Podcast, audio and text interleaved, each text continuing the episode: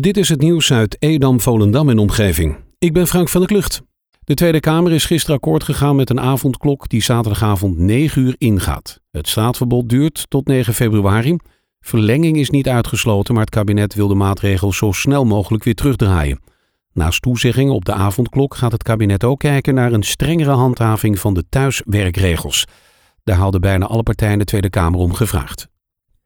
De harde wind heeft gisteren bij snackbar De Zeevank in Oosthuizen kleine schade aangericht. Het reclamebord aan de gevel was deels losgewaaid en zwiepte daardoor heen en weer.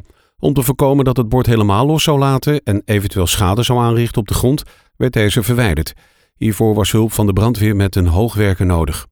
Waar het aantal positieve coronatest in Zaanstreek-Waterland de afgelopen dagen een flinke daling liet zien, is nu weer sprake van een stijging.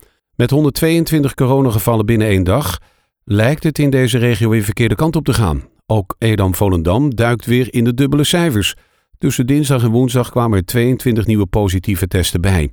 Het totaal aantal positieve testen in Edam-Volendam ligt hiermee op 2099. De politie in Purmerend waarschuwt bezitters van een Mazda CX-3 extra alert te zijn op autodiefstal. In korte tijd zijn er twee meldingen binnengekomen van diefstal van dit type auto. De laatste diefstal vond afgelopen week plaats in de omgeving van de Bovenlandse straat. De twee gedupeerden hebben inmiddels aangifte gedaan van diefstal. Het is vooralsnog een raadsel waarom juist dit type auto opeens in trek is bij de autodieven. Bij het onderzoek dat de provincie Noord-Holland laat uitvoeren naar de onderdoorgang in Waterland zal aandacht worden besteed aan de eventueel aanwezige niet gesprongen explosieven in de grond. Voordat de provincie buiten aan de slag gaat met graven en het aanleggen van wegen, worden diverse bureauonderzoeken gedaan.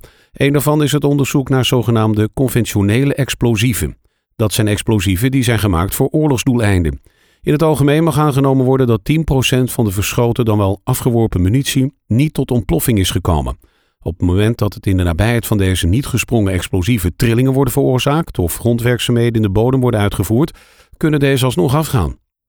Het tv-programma Nieuwsuur besteedde gisteravond aandacht aan de verwerking van persoonsgegevens door het bedrijf U Diagnostics, een commercieel medisch laboratorium dat COVID-19-testen uitvoert. Nieuwsuur toont aan dat dat bedrijf niet zorgvuldig omging met gegevens van personen die ze hebben getest.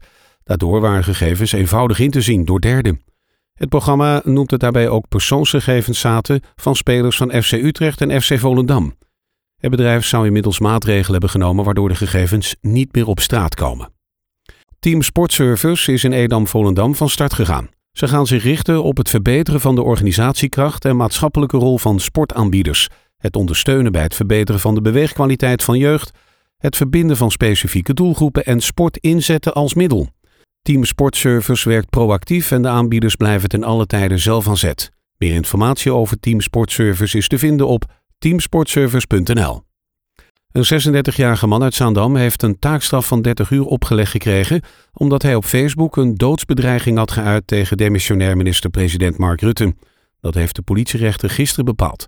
De man had in een lopende discussie in een lokale Facebookgroep een foto gedeeld met daaronder een tekst waarin hij Rutte dood wenste, zo meldt NH Nieuws. De politierechter vindt dat de man uit Zaandam veel te ver is gegaan door een doodsbedreiging te plaatsen omdat het om een politicus gaat, heeft de rechter ook besloten tot een hogere straf dan een geldboete. Het maken van een melding in de openbare ruimte in Waterland kan nu nog makkelijker dankzij de handige Slim Melden Waterland app. Een kapotte straatlantaarn, een scheve stoeptegel of een defecte ondergrondse container. Allemaal situaties die je als inwoner wellicht al eens bent tegengekomen. Voorheen maakte je hier misschien telefonisch of via de website een melding van, maar sinds kort kan dit nog eenvoudiger via de app. De app Slim Melden Waterland stuurt jouw melding direct door naar de juiste afdeling op basis van het type melding. De app is gratis te downloaden. Tot zover het nieuws uit Edam, Volendam en omgeving.